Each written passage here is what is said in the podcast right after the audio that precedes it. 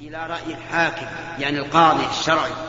أو من له أو من له تنظيم وتقنين العقوبات. هذه أمرها واسع. تارة تكون العقوبة بالمال. يغرم الإنسان مالا وتارة تكون العقوبة بالعزل عن منصبه. وتارة تكون بالحبس. وتارة تكون بالتشهير. بأن يعلن اسمه مخالفته بين الناس وتارة تكون بالتقويم من المجلس حسب ما تقتضيه المصلحة والتعليم وتارة تكون بالجلد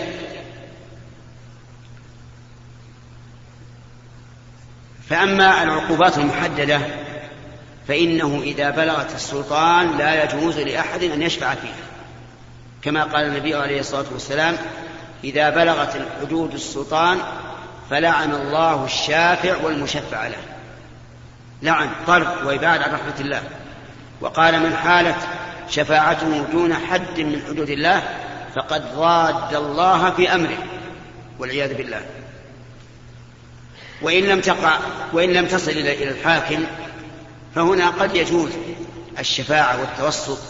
مثل لو أن أحدا رأى شخصا يزني وشهد وشاهد وعنده أربعة شهور على ذلك ورأى أن من المصلحة أن يستتاب هذا الرجل فإذا تاب ستر عليه فلا بأس.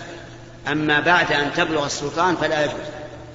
ثم ذكر المؤلف حديث عائشة رضي الله عنها في قصة المرأة المخزومية وسيأتي الكلام عليه إن شاء الله تعالى. والله موفق.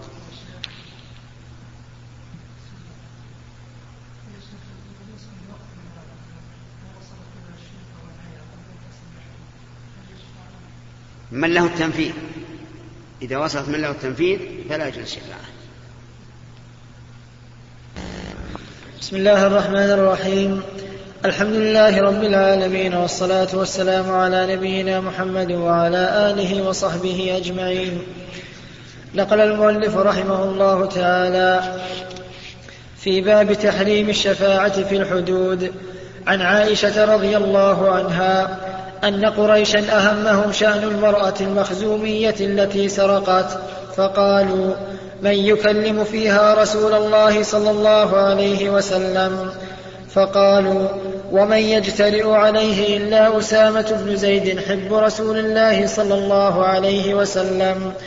فكلمه أسامة فقال رسول الله صلى الله عليه وسلم أتشفع في حد من حدود الله تعالى؟ ثم قام فاختطب ثم قال إنما أهلك الذين قبلكم أنهم كانوا إذا سرق فيهم الشريف تركوه وإذا سرق فيهم الضعيف أقاموا عليه الحد ويم الله لو أن فاطمة بنت محمد صلى الله عليه وسلم سرقت لقطعت يدها. متفق عليه.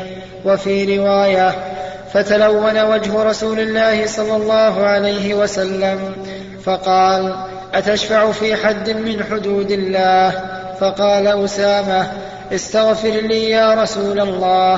قال ثم أمر بتلك المرأة فقطعت يدها.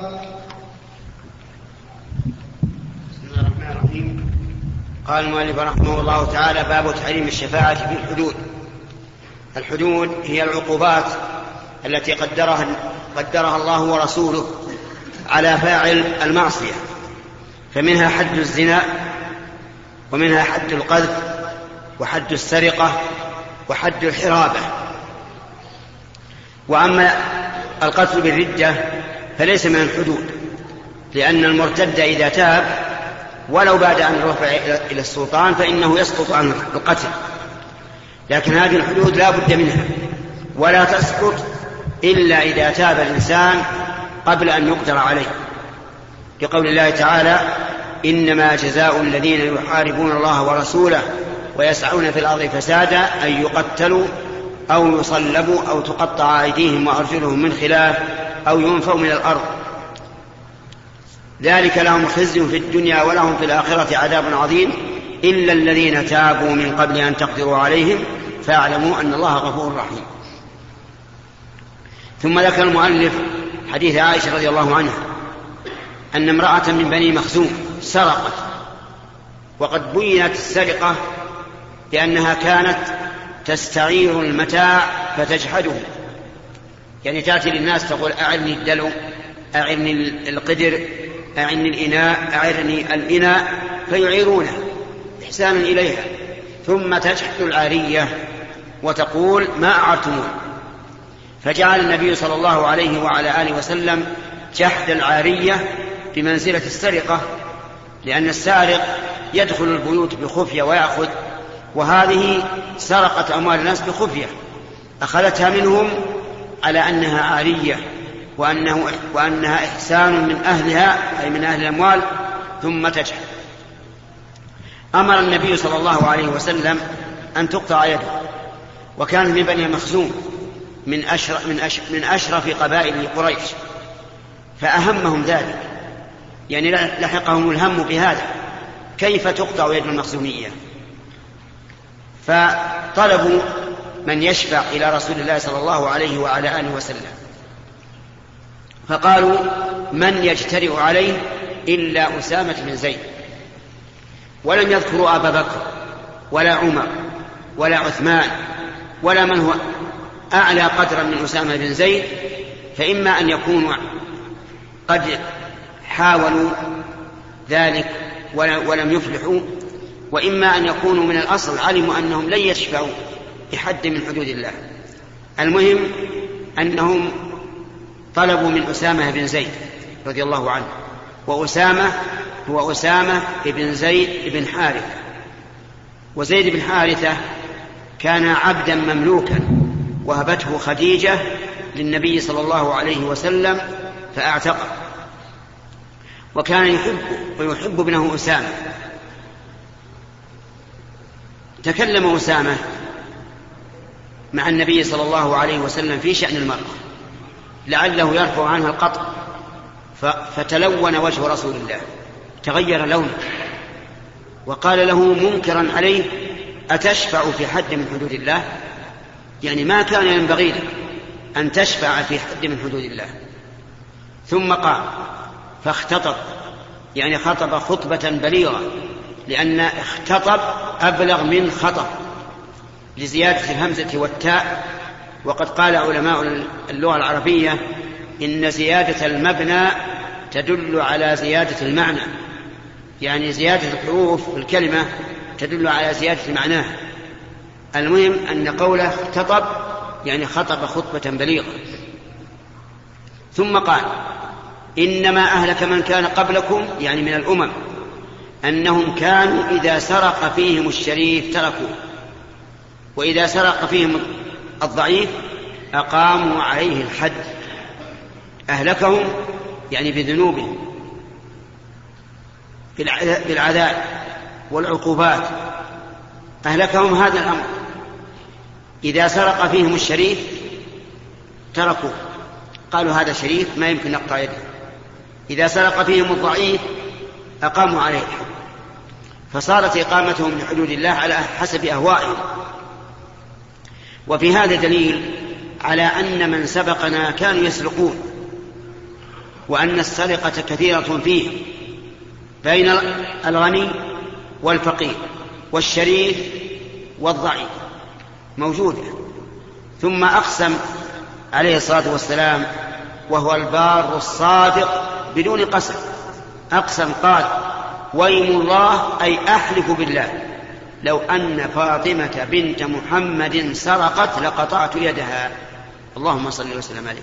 هكذا العدالة وهكذا تنفيذ حكم الله. لا اتباع الهوى. أقسم بأن فاطمة بنت محمد وهي أشرف من المخزومية حسبا ونسبا لأنها رضي الله عنها سيدة نساء أهل الجنة.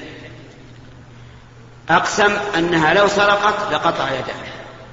وفي قوله لقطعت يدها قولان القول الأول أن الرسول نفسه يباشر القطع. والثاء وهذا أبلغ. والثاني أنه يأمر من يقطع يدها. وأيا كان فإن الرسول عليه الصلاة والسلام بين أنه لا يمكن أن يدرأ الحد عن أحد لشرفه ومكانته أبدا. الحد حق لله عز وجل. ويم الله لو أن فاطمة بنت محمد سرقت لقطعت يدها ثم أمر النبي صلى الله عليه وسلم أن تقطع يد المرأة المخزومية فقطعت. وهي امرأة من أشراف قريش ومع ذلك لم يسقط عنها الحد. وهكذا يجب على ولاة الأمور أن يكون الناس عندهم سواء في إقامة الحدود وأن لا يحاب أحد لقربه أو لغناه أو لشرفه في قبيلته أو غير ذلك. الحد لله عز وجل تجب إقامته لله عز وجل. انظر إلى قول الله تعالى الزانية والزاني فاجلدوا كل واحد منهما مئة جلدة ولا تأخذكم بهما رأفة في دين الله. ومن ومن أخذ الرأفة الشفاعة له لا تشفع لأحد في الحد. أقم ولا ترأف به ولا ترحمه لا تقل هذا شريف هذا ضعيف هذا أبو أولاد. أبدا لا يهم. يعني لو زنى إنسان وهو محصن وثبت عليه الحد وله أولاد صغار وزوجات سوف يكون أرامل بعده وسوف يكون أولاد أيتاما بعده لا تبالي بهذا. أقم الحد عليه. أرجم ولو مات. بل يرجمه حتى يموت ولا تقول والله هذا له أولاد صغار له زوجات. لا يهمك هذا. أقم الحد على كل من أتى بمعصية توجب الحد. ولما كانت الأمة الإسلامية على هذه العدالة وعدم المبالاة وأنها لا تأخذها في الله لومة لائم كان لها العزة والقوة والنصر المبين. ولما تخاذلت الأمة الإسلامية عن إقامة حدود الله وصارت المحسوبيات والوساطات تعمل عملها في إسقاط حدود الله عز وجل تدهورت الأمة الإسلامية إلى الحد الذي الذي ترون الآن. فنسأل الله تعالى أن نعيد للأمة الإسلامية مجدها وتمسكها بدينها إنه على كل شيء قدير.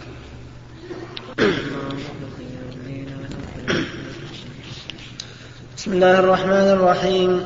الحمد لله رب العالمين والصلاة والسلام على نبينا محمد وعلى آله وصحبه أجمعين.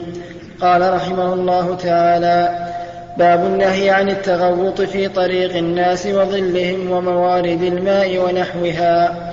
قال الله تعالى والذين يؤذون المؤمنين والمؤمنات بغير ما اكتسبوا فقد احتملوا بهتانا وإثما مبينا. عن أبي هريرة رضي الله عنه أن رسول الله صلى الله عليه وسلم قال اتقوا اللاعنين. قالوا وما اللاعنان؟ قال الذي يتخلى في طريق الناس أو ظلهم. رواه مسلم. باب النهي عن البول و... باب النهي عن البول ونحوه في الماء الراكد. عن جابر رضي الله عنه أن رسول الله صلى الله عليه وسلم نهى أن يبال في الماء الراكد. رواه مسلم. قال المؤلف رحمه الله في كتابه في كتابه رياض الصالحين باب تحريم التغوط في طريق الناس أو ظلهم أو نحو ذلك. التغوط يعني إخراج البراز. من الدبر. ومثله التبول فلا يجوز للإنسان أن يتبول أو يتغوط في طريق الناس أو في ظلهم يعني المكان الذي يستظلون به وكذلك مشمسهم في الشتاء في الشتاء وكذلك مجالسهم فإن هذا من أذية المؤمنين. وقد قال الله تعالى والذين يؤذون المؤمنين والمؤمنات بغير ما اكتسبوا فقد احتملوا بهتانا وإثما مبينا. الذين يؤذون المؤمنين والمؤمنات بالقول أو بالفعل فالأذية بالقول مثل التعيير والتوبيخ والسب وما اشبهه وبالفعل مثل ما أن يتبول في طريقه أو يتغوط في طريقه أو ما أشبه ذلك. وقول بغير ما اكتسبوا يعني لا إذا كان السبب في ذلك هم الذين أوذوا يعني أنهم تعرضوا لما يؤذون به فهذا جنايتهم بأيديهم. ثم ذكر حديث أبي هريرة رضي الله عنه أن النبي صلى الله عليه وسلم قال اتقوا اللاعنين. قالوا وما اللاعنان؟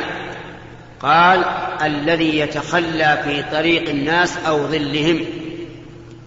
اللاعن اسم فاعل من اللعن. وسمى النبي صلى الله عليه وسلم ذلك لاعنا لأنه سبب للعن. فالذي يتخلى في طريق الناس أو يتخلى في ظلهم ملعون والعياذ بالله. وأيضا من رأى بولا أو غائطا في طريق الناس أو ظلهم فله أن يقول اللهم لعن من فعل هذا لأنه هو الذي عرض نفسه لذلك.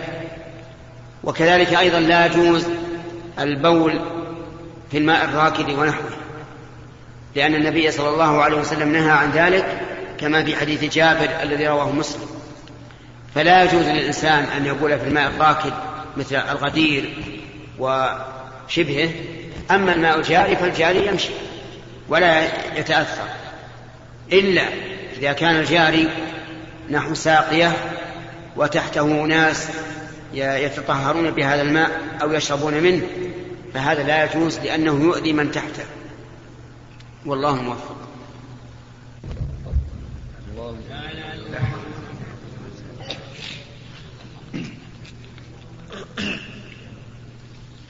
بسم الله الرحمن الرحيم. الحمد لله رب العالمين والصلاة والسلام على نبينا محمد وعلى آله وصحبه أجمعين.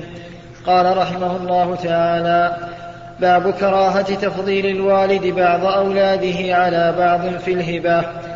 عن النعمان عن النعمان بن بشير رضي الله عنهما أن أباه أتى أن أباه أتى به رسول الله صلى الله عليه وسلم فقال إني نحلت ابني هذا غلاما كان لي. فقال رسول الله صلى الله عليه وسلم أكل ولدك نحلته مثل هذا؟ فقال لا. فقال رسول الله صلى الله عليه وسلم فأرجعه وفي رواية فقال رسول الله صلى الله عليه وسلم أفعلت هذا بولدك كلهم؟ قال لا. قال اتقوا الله واعدلوا في أولادكم. فرجع أبي فرد تلك الصدقة وفي رواية فقال رسول الله صلى الله عليه وسلم يا بشير ألك ولد سوى هذا؟ فقال نعم. قال أكلهم وهبت له مثل هذا؟ قال لا. قال فلا تشهدني إذا فإني لا أشهد على جور. وفي رواية لا تشهدني على جور.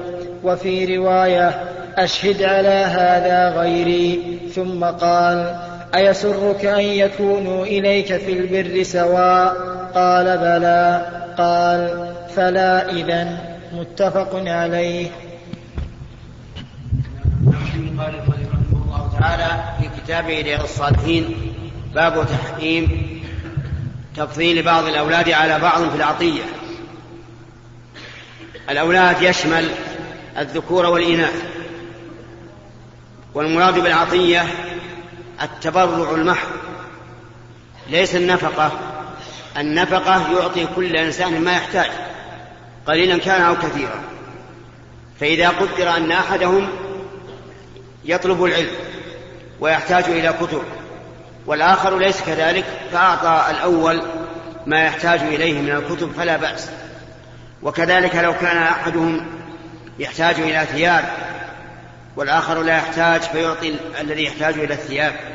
وكذلك لو مرض أحدهم فاحتاج إلى إلى دراهم وإلى دواء فأعطاه فلا بأس.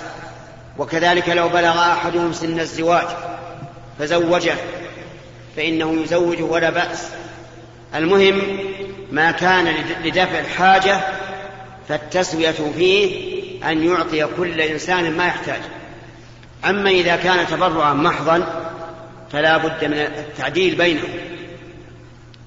واختلف العلماء هل التعديل أن يعطي الذكر والأنثى سواء فإذا أعطى الذكر مئة أعطى الأنثى مئة. وإذا أو أن التعديل أن أن يعطيهم كما أعطاهم الله عز وجل في الميراث. يعني للذكر مثل حظ الأنثيين. فإذا أعطى الذكر مئة أعطى الأنثى خمسين. وهذا قوله الراجح لأنه لا قسمة أعدل من قسمة الله عز وجل. فإذا أعطى كل واحد ما يحتاجه ثم تبرع تبرعا محضا فنقول إذا أعطيت, إذا أعطيت الأنثى درهما فأعط الذكر درهمين. هذا هو التعديل. فإن فعل يعني فضل بعض الأولاد على بعض فإنه يجب عليه أن يرد ما فضله به. فإذا أعطى أحدهم مئة ولم يعط الآخرين وجب عليه أن يرد المئة أن يستردها أو يعطي الآخرين مثل ما أعطى. الأول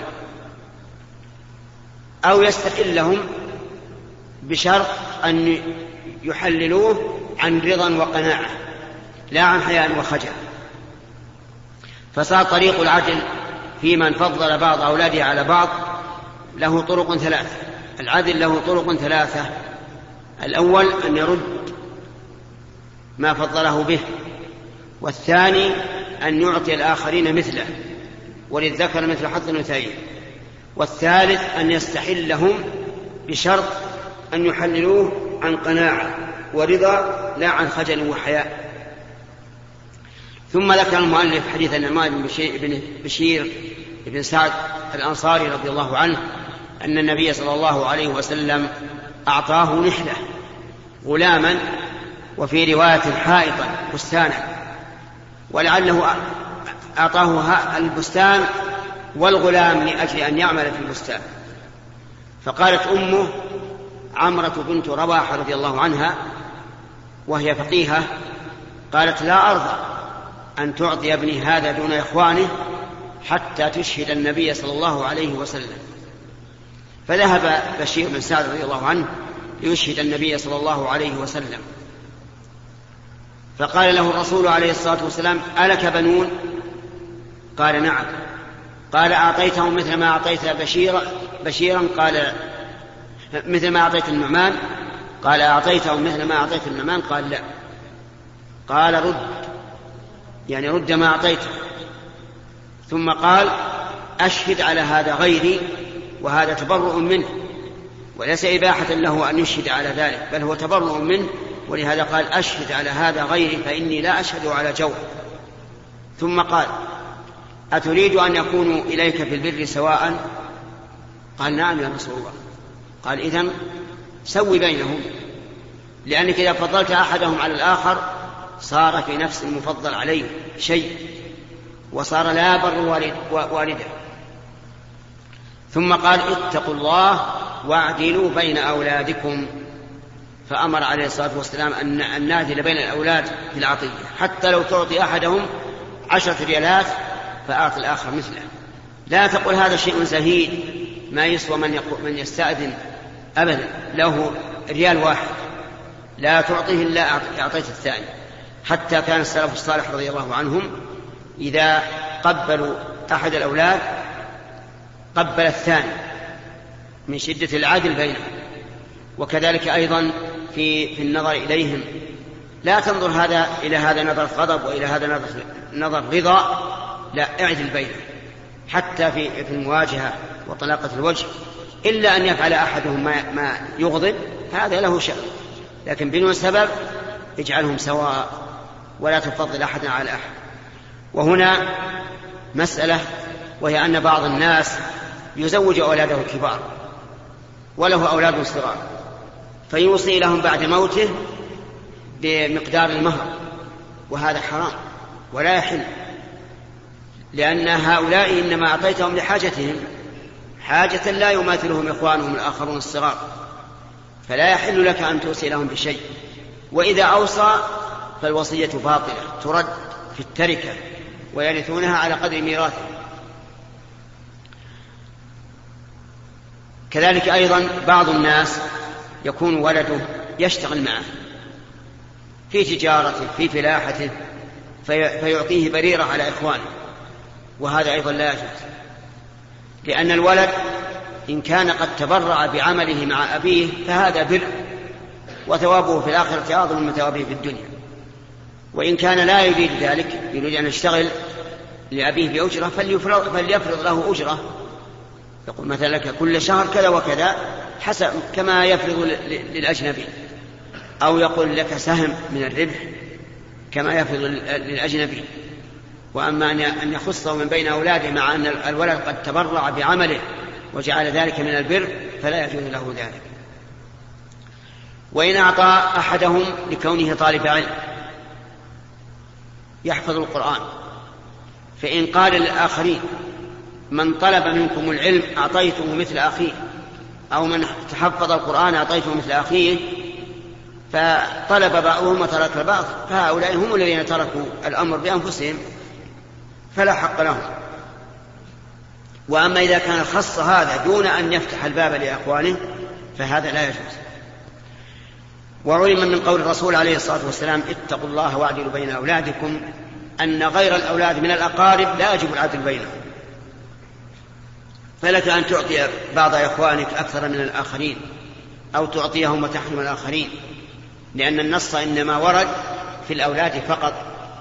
وأما قول بعض العلماء رحمهم الله إنه يجب عليه التعديل بين جميع الورثة بقدر ميراثهم فهذا قول لا دليل عليه. التعديل إنما يجب بين من؟ بين الأولاد فقط. والله الموفق. اللهم لا.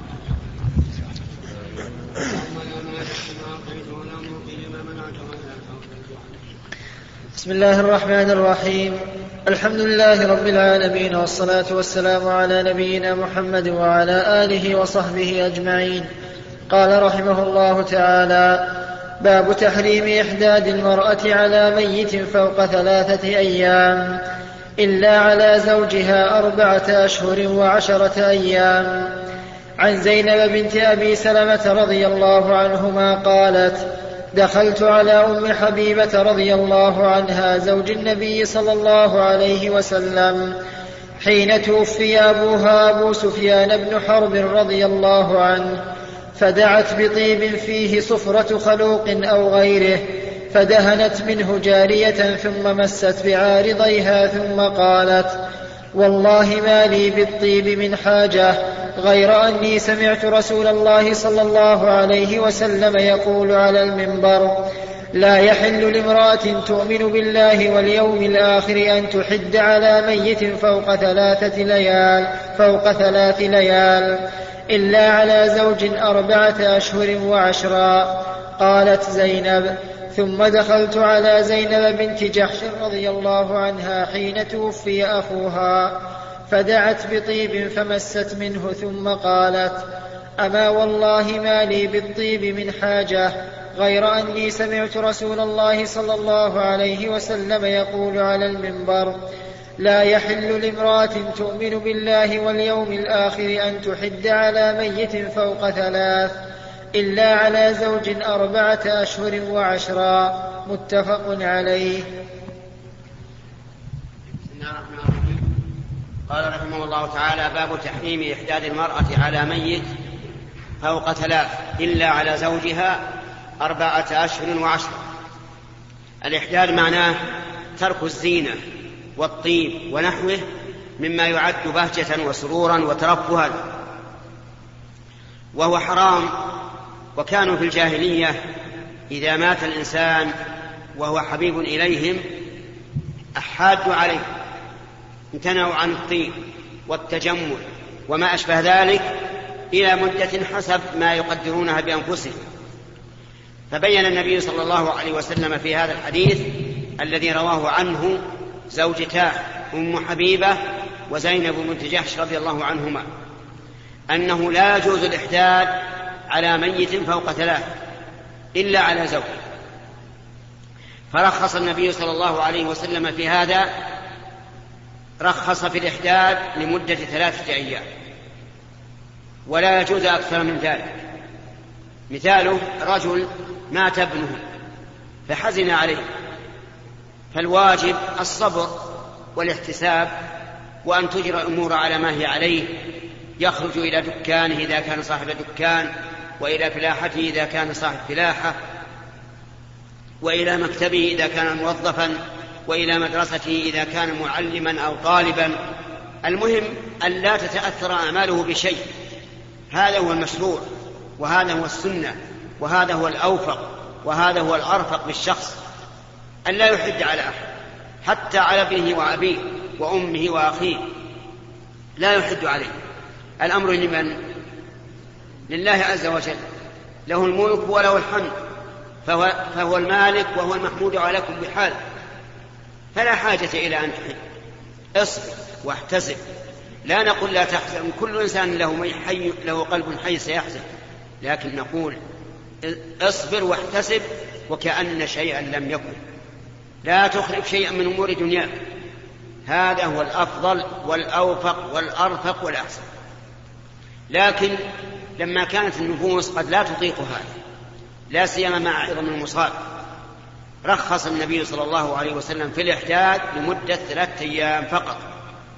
يعني فلا بأس للإنسان مثلا إذا مات له صديق أو قريب وحزن حزنا شديدا لا يستطيع أن يقابل الناس لا بأس أن يبقى في بيته لمدة ثلاثة أيام فأقل.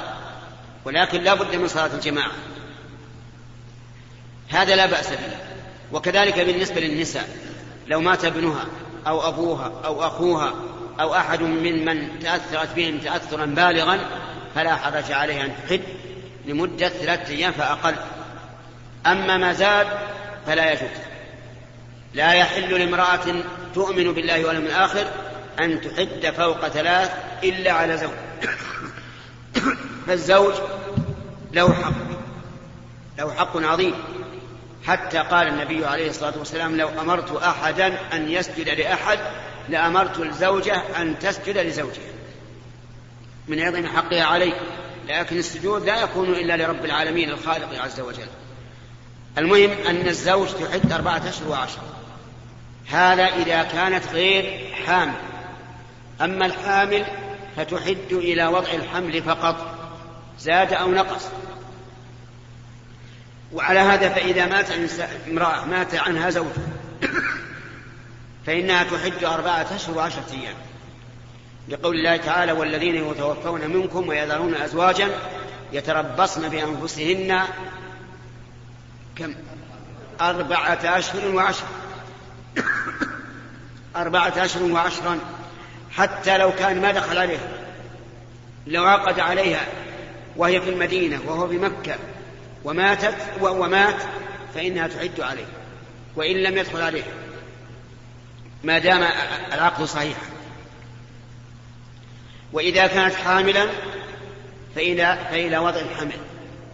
حتى لو وضعت قبل أن يغسل الزوج. انتهت العدة وانتهى الإحداث. يعني مثل امرأة توفي زوجها وهي تطلق. فلما خرجت روحه خرج الحمل. يعني ما بين خروج روح زوجها وحملها إلا دقائق معلومة. يقول الآن انتهت العدة. وانتهى الإحداد. فلها أن تتزوج. يعني يمكن أن تتزوج يمكن شرعا أن تتزوج قبل أن يدفن زوجها. كيف؟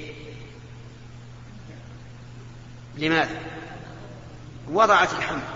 وولاة الأحمال أجلهن إيش؟ أن يضعن حملهن. فهذه انتهت عدتها. والإحداد تبع تبع العدة. ولكن ما هو الإحداد؟ الإحداد أن تتجنب المرأة الأشياء التالية. أولا لباس الزينة. لا تلبس ثوبا يعد ثوب زينة. أما الثياب العادية فلها أن تلبسها. بأي لون كانت؟ أسود أخضر أحمر أصفر أي شيء. إنما الذي يعد زينة بحيث يقال هذه المرأة تجملت فإنه لا يحل لها أن تلبسها وهي محادة على الزوج. الثاني الطيب. الطيب بجميع أنواعه. دهنا أو بخورا أو شما أو غير ذلك. لا تتطيب إطلاقا.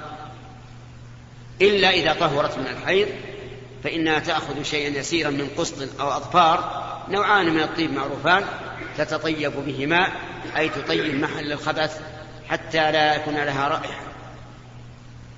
الثالث الحلي بجميع أنواعه. لا تلبس الحلي لا في القدمين ولا في الكفين ولا في الرقبة ولا في الأذنين ولا على الصدر أي نوع من أنواع الحلي ما تلبس. حتى لو كانت قد لبست سنها ذهبا فإنها تخلعه. إذا لم يكن عليها مضرة. فإن كان عليها مضرة فلتحرص على أن تخفيه بأن تقلل الضحك حتى لا يخرج السن ويتبين للناس. الرابع أن لا تخرج من البيت. لا تخرج من البيت أبدا إلا لضرورة أو حاجة. لضرورة في الليل أو حاجة في النهار وأما بدون حاجة ولا ضرورة فلا يجوز أن تخرج من بيتها الذي مات زوجها وهي فيه. فإنه يجب عليها أن تبقى في البيت فلا تخرج. طيب إذا قالت أريد أن أخرج إلى جيراني أستأنس عندهم في النهار وأول الليل وأرجع إلى بيتي نقول لا. جيرانك يأتون, يأتون, يأتون إليك. أما أنت لا تذهب تبقين في البيت اللي مات زوجها مات زوجك وأنت فيه. فإذا قدرنا أنها سافرت مع زوجها إلى بلد للعلاج ومات زوجها في البلد الذي هو غير بلدها نقول أرجع إلى بلدك. لأن هذا ليس مسكنك في الأصل. الخامس التجمع التحسين والتجميل بالكحل والورس وما أشبه ذلك. حتى لو فرضنا أن عينها توجعها فلا تكتب إلا بصبر أو شبهه مما لا لون له تفعله بالليل وتمسحه في النهار. هذا إن احتاجه وإلا فلا. ولهذا جاءت امرأة للنبي عليه الصلاة والسلام وقالت يا رسول الله إن ابنتي مات زوجها وقد اشتكت عينها. يعني توجعها عينها أفنكحلها قال لا لا تكحلونها مع أنها توجعها عينها قال لا تكحلونها حتى قال ابن حزم رحمه الله لو فقدت عينها فإنها لا تكحلها بأي حال من الأحوال. لأن النبي صلى الله عليه وسلم سئل عن هذه المريضة في عينها فأبى أن يرخص لهم في الكحل وكذلك التحمير والتجميل وما أشبه هذا. أما الصابون الذي ليس فيه طيب فلا بأس. وكذلك تنظيف الرأس. وكذلك تنظيف الجلد. وما اشتهر عند العوام من أن المرأة تغتسل من الجمعة إلى الجمعة يعني المحادة فهذا لا أصل له. كذلك أيضا ما اشتهر عندهم أنها في الليل لا تخرج إلى الحوش. بل تكون في المسقف تحت السقف. فهذا لا, لا صحة له. تخرج إلى السطح وإلى الحوش وإلى ما شاء. كذلك ما اشتهر العامية المحضة يقولون إن القمر رجل. القمر رجل. تقول العوام. القمر رجل له عيون وله أنف وله فم. ولا تخرج المرأة للقمر لأن القمر رجل يطلع عليه. هذا غلط. ما هو صحيح. تخرج في الليلة المقمرة وفي وفي في الشمس في الشمس الصاحية وفي كل شيء لكن لا تخرج من البيت. كذلك أيضا ما اشتهر عند العوام أنها لا تكلم أحدا إلا من محارمها. هذا غلط أيضا. تكلم من شاء تكلم من يقرأ يستأذن عند الباب ومن يتكلم في التلفون. تكلمهم ولا بأس. تكلم من يدخل إلى البيت من أقارب الزوج وأقاربها الذين ليسوا من محارمها تكلمهم ولا حرج. يعني هي في الكلام كغيرها من النساء. لا يحرم عليها الكلام. لكنها كما قال الله عز وجل لا تخضعن بالقول فيطمع الذي في قلبه مرض. والله موفق.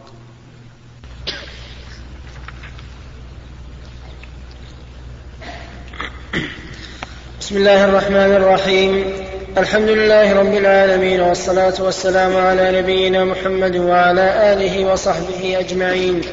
قال رحمه الله تعالى باب تحريم بيع الحاضر للبادي وتلقي الركبان والبيع على بيع أخيه والخطبة على خطبته إلا أن يأذن أو يرد. عن أنس رضي الله عنه قال نهى رسول الله صلى الله عليه وسلم أن يبيع حاضر لباد وإن كان أخاه لأبيه وأمه متفق عليه. وعن ابن عمر قال قال رسول الله صلى الله عليه وسلم لا تتلقوا السلع حتى يهبط بها إلى الأسواق متفق عليه. وعن ابن عباس رضي الله عنهما قال قال رسول الله صلى الله عليه وسلم لا تتلقوا الركبان ولا يبع حاضر لباد فقال له طاووس ما يبيع حاضر لباد قال لا يكون له سمسارا. متفق عليه.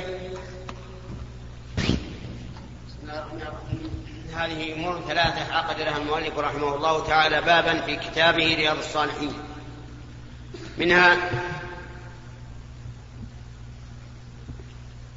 أن يبيع حاضر لباد ومنها تلقي الركبان ومنها البيع على بيع أخيه.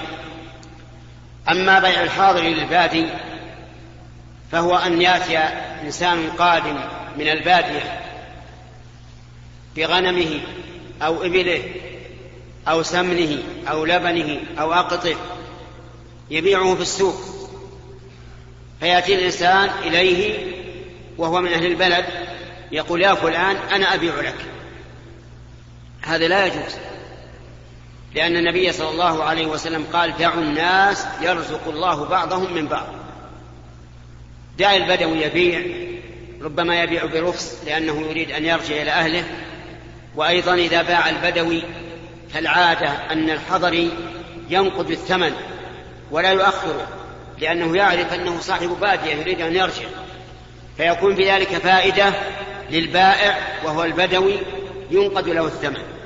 وفائدة للمشتري وهو أن أن الغالب أن البدوي يبيع, يبيع برخص لأنه عجل لا ينتظر الزيادة.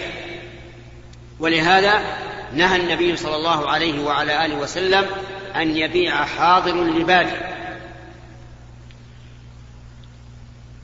واستدل العلماء رحمهم الله تعالى بالعلة على أنه إذا جاء البادي يعني صاحب البادية إلى الحاضر وقال يا فلان بع هذه السلعة لي فإنه لا بأس بذلك.